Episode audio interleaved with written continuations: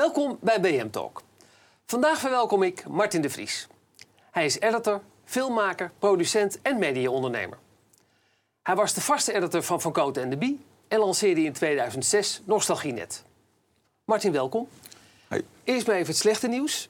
Je bent recentelijk behoorlijk visueel gehandicapt geraakt. Ja, ik ben eh, heel treurig. eh, ben ik eh, getroffen door een zogenaamd oogzenuwinfarct. Komt zelden voor. Ehm, en eh, dat zou niet zo erg zijn geweest als ik al niet acht jaar geleden ook door hetzelfde euvel ben getroffen. In het andere oog. Dus helaas ben ik nu eh, door twee ogen getroffen door dat eh, infarct. waardoor ik een stuk minder zicht heb in scherpte en in gezichtsveld. Ja. Terwijl je het Dus, niet ja. ziet, hè? Je- Nee, je ziet aan mij helemaal niks. Nee. En dat is ook, je, je staat ermee op 's morgens. En eh, ja, dat is eh, eigenlijk nog een beetje de, de, de andere kant van het verhaal. Hè. De meeste mensen die iets ernstigs overkomt, daar zie je van alles aan. En die moeten recupereren, of die zitten in een rolstoel of van slangen. En bij mij zie je helemaal niks. Nee. Toch is het, eh, is het niet best. We gaan niet bij de pakken neerzetten, want ik ga gewoon door. Maar ik zal het wel moeten doen met minder zicht. En er is helaas in de huidige technologie, medische technologie, Ja. heel weinig aan te doen. Nee. En wat heeft dat voor gevolg op, op korte termijn? Wat- Nou, eh, de- ik- voornamelijk eh, is het acceptatie. Eh, ik moet het accepteren dat dit is gebeurd. En niet bij de pakken neer gaan zetten en half, het, glas is half vol of half leeg. Ik moet natuurlijk nu gaan kijken wat ik nog wel zie in Ja. plaats van wat ik nog niet zie. Ja. En eh, misschien is er, nog, is er wel nog veel meer mogelijk dan dat ik op dit moment denk. Dus ik ga het gewoon positief Laten we het positief bekijken. Goed. Want je zit hier om een andere reden. Vanwege Ja. een, een andere prestatie. Zowel fysiek als audiovisueel, Ja, zal ik maar zeggen. Ehm, ja, vertel. Jij hebt een, eh, een, een, een tocht volbracht. Ja, ik heb eh, inmiddels al twee jaar geleden ben ik naar Santiago de Compostela gelopen vanaf eh, midden-Frankrijk. Eh, de reden waarom, eh, ja, misschien een beetje cliché-achtig. Eh, inmiddels 60 geworden, de kinderen het huis uit, werk, zaak verkocht, nostalgienet. Eh, wat, wat, wat, wat meer ruimte. En ik dacht, ik ga eens een paar maanden lopen om mijzelf eens onder de loep te nemen. Hoe staat het met deze man? En ik had niet heel veel mensen lopen met een reden dat ze qua werk vastzitten, of dat ze gescheiden zijn, of dat ze een partner hebben verloren. Dat was voor mij niet echt de insteek.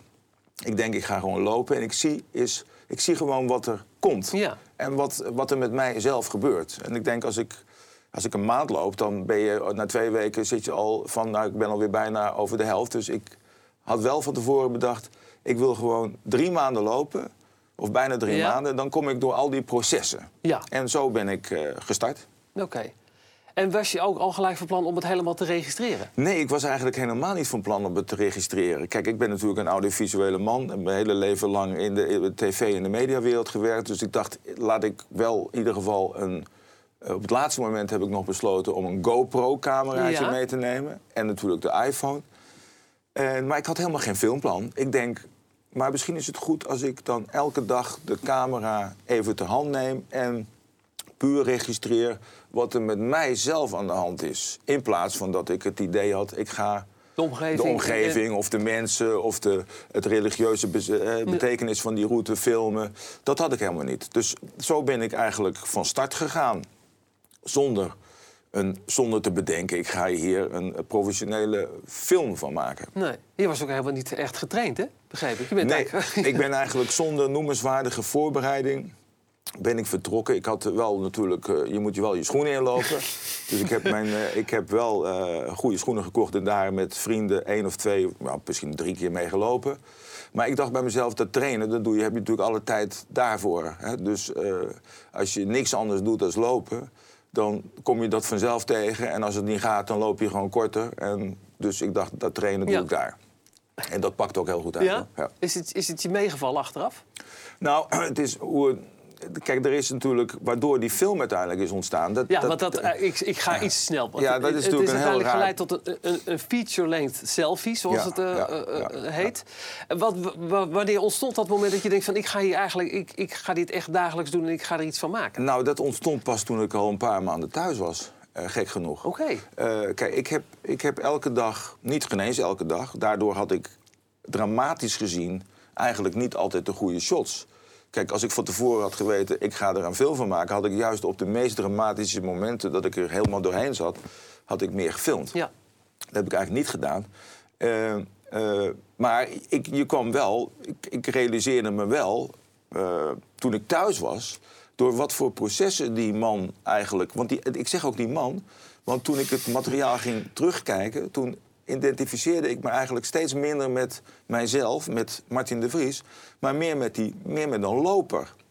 En die loper die is in de eerste week eigenlijk een beetje nerveus, zenuwachtig. Die is in de tweede week zoekt hij allerlei superlatieven voor eh, de omgeving. In de derde week is hij heel enthousiast voor alle ontmoetingen. In de vierde week voelt hij zich sterk. In de vijfde week komt de hoogmoed voor de val. Ja. Uh, gaat hij veel te lang lopen, drinkt hij te weinig water, stort hij in. Ik zat er helemaal doorheen. Ik moest eigenlijk stoppen na vijf weken met een, met een geblesseerde knie.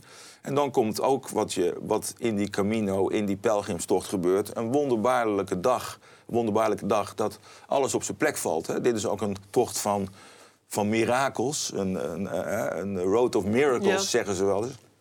En op die dag uh, kwam ik een bijzondere vrouw tegen en ik kreeg een apart zalfje voor mijn knie en de pijn die verdween als sneeuw voor de zon. En af, vanaf dat moment uh, veranderde wat voor mij en werd, werd, het, werd het letterlijk en figuurlijk stiller om me heen. En uiteindelijk zie je die man ook alleen maar nog lopen. En dat proces, dat, uh, toen ik dat materiaal ging terugkijken, toen dacht ik: hé, hey, nu zie ik eigenlijk pas wat, wat ik eigenlijk allemaal doorleefd heb. En wat er gebeurd is. En wat, wat zo'n tocht dus met je doet. Toen ben ik het materiaal, heb ik het laten zien aan een paar mensen uit het vak. Ik heb, Kees Verkoten heeft het gezien. Uh, Hans de Wolf, producent van ja. Kierfilm. De oude eindredacteur van Uur van de Wolf, Cees van Ede. Uh, en die waren eigenlijk zonder uitzondering heel enthousiast. Die zeggen, Martin, daar moet je wat mee doen. En zo is eigenlijk het project gestart. Dus ja. het filmplan is achteraf gekomen. Oké. Okay. En hoe kom je dan uiteindelijk op het filmfestival van Rotterdam terecht? Ja, dat is natuurlijk heel merkwaardig. Uh, kijk, zo makkelijk ging het natuurlijk. Ik ben bij Doxy gekomen, Doxy Films. Hè? Ja. Dat is een van de grootste documentaire producenten. Janneke Dolaert. we hebben er... Kijk, het was voor mij geen must. Uh, dus we hebben er in het begin niet echt hard aan getrokken. Nee. Het is er ondergebracht. Ik denk, ik wil wel een producent hebben. En absoluut dat op niet zelf produceren, dat is natuurlijk een hele rare dubbelrol. Een man die loopt en die gaat het dan ook nog eens een keer zelf produceren. dat wou ik absoluut niet.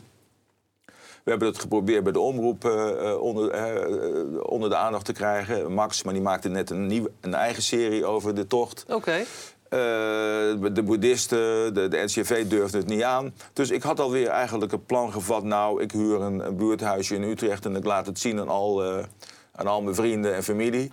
Totdat uh, een, zich een distributeur aandiende, Wiepco Oosterhuis van Periscoopfilms. En die zei, ik heb heel veel van die dingen gezien en uitgebracht. En er is natuurlijk al heel veel gemaakt over die tocht. Ook speelfilms, ja. hè, The Way met Martin ja. Sheen. En heel veel documentaires.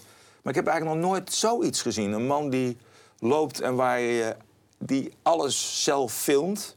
Uh, zich alleen, niet ook de, de omgeving filmt. Of ja, ik film wel de omgeving, maar niet eigenlijk andere mensen. Weinig overnachtingen. Je loopt als het ware in, in de huid van die man mee. Ja.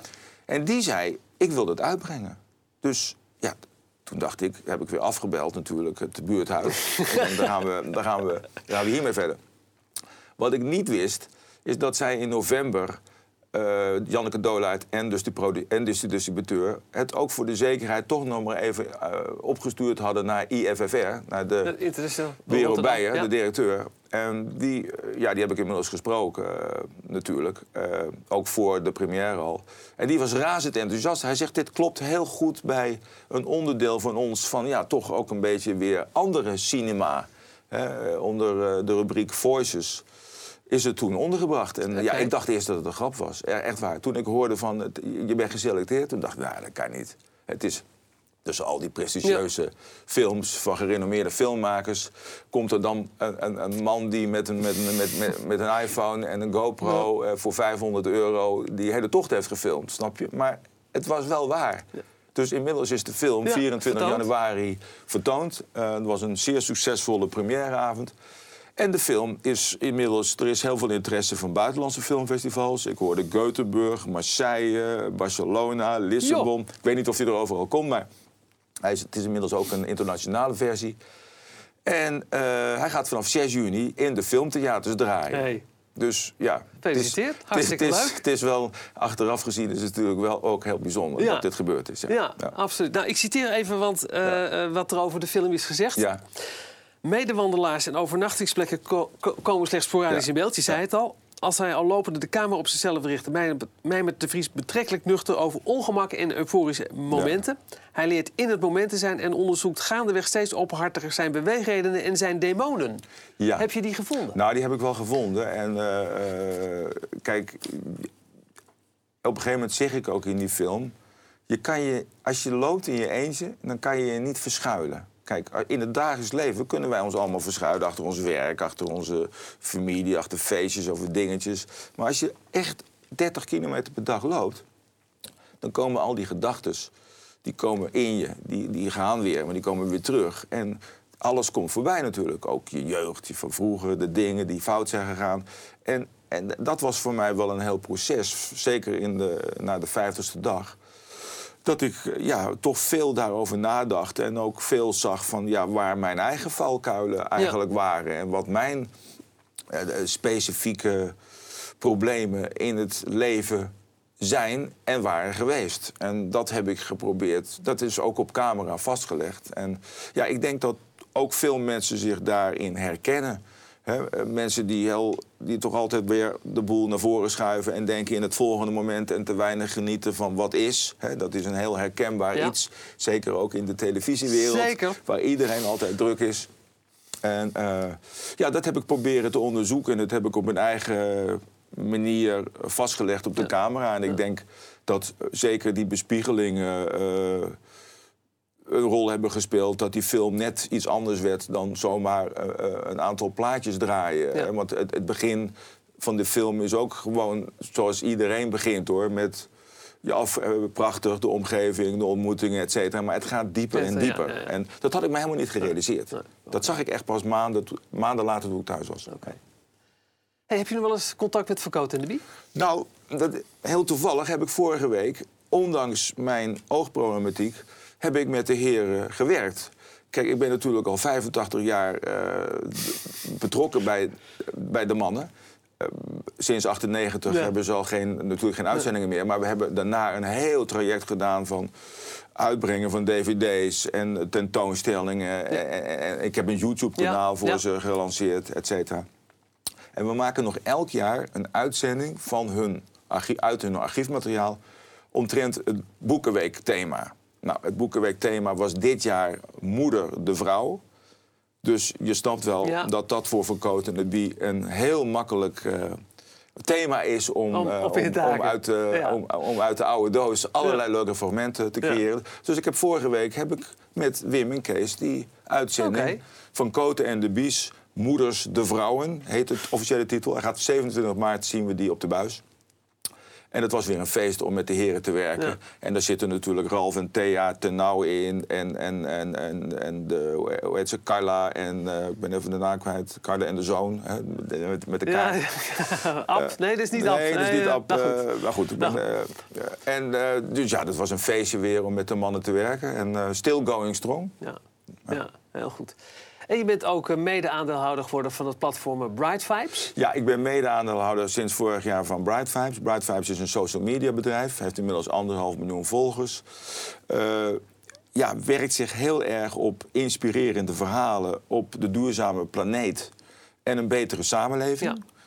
En eh, ja, daar is geld mee te verdienen. Want heel veel bedrijven willen zich daarmee afficheren en Ja. identificeren. En eh, de, de CEO, eh, meneer De Gooier, jij kent hem ook. Michiel de Ja, Gooijer, ja, Michiel De ja. Gooijer. Die, eh, ja, die is heel enthousiast, doet het goed. Er zit een hele goede club aandeelhouders omheen. Eh, er zijn inmiddels toch behoorlijk, eh, ja, behoorlijke samenwerkingen met eh, Eneco, met Sarah Lee, met de Postcode Loterij, met de Triodos Bank. Dus eh, het gaat goed. Global bedrijf gaat goed. En eh, wij proberen daar, eh, ik ben daar, ja, ik ben eh, op, op, aandeelhouder, maar het bedrijf zit in Utrecht, dus het is voor mij ook Ja. makkelijk. Dus ik ben redelijk actief daarmee. En het gaat goed. En verder nog plannen of, en ambities? Nou, ik doe af en toe wat dingetjes voor mezelf boekhoren. Dat is, dat is ook een feestje om met eh, die ondernemer te werken. Die altijd... Staat achter de rookworsten de die, HEMA. eh, die super. Ja, we hebben net wat, maar ook voor, de, ook voor Panda's. Ja, natuurlijk voor de Panda's. Ook, ook wat social media projecten gedaan. En ook, inderdaad ook voor de HEMA. En ja, dat zijn. eh, dus ja, ik. Je gaat niet met de pakken Ik neerzetten. ga maar niet daar met de gaat- pakken, daar gaat ik ga zeker om. niet met de pakken Nee. neerzetten. Nee. En eh, wie weet, eh, ja, als die film nu succesvol in, zometeen in het theater gaat, wie weet komt er een deel 2. Ik weet het niet. Goed. Dankjewel dat je mijn gast was. Geen dank, jongen. Dit was BM Talk. Mijn volgende gast is voor u een vraag en voor mij nog veel meer. Tot de volgende keer.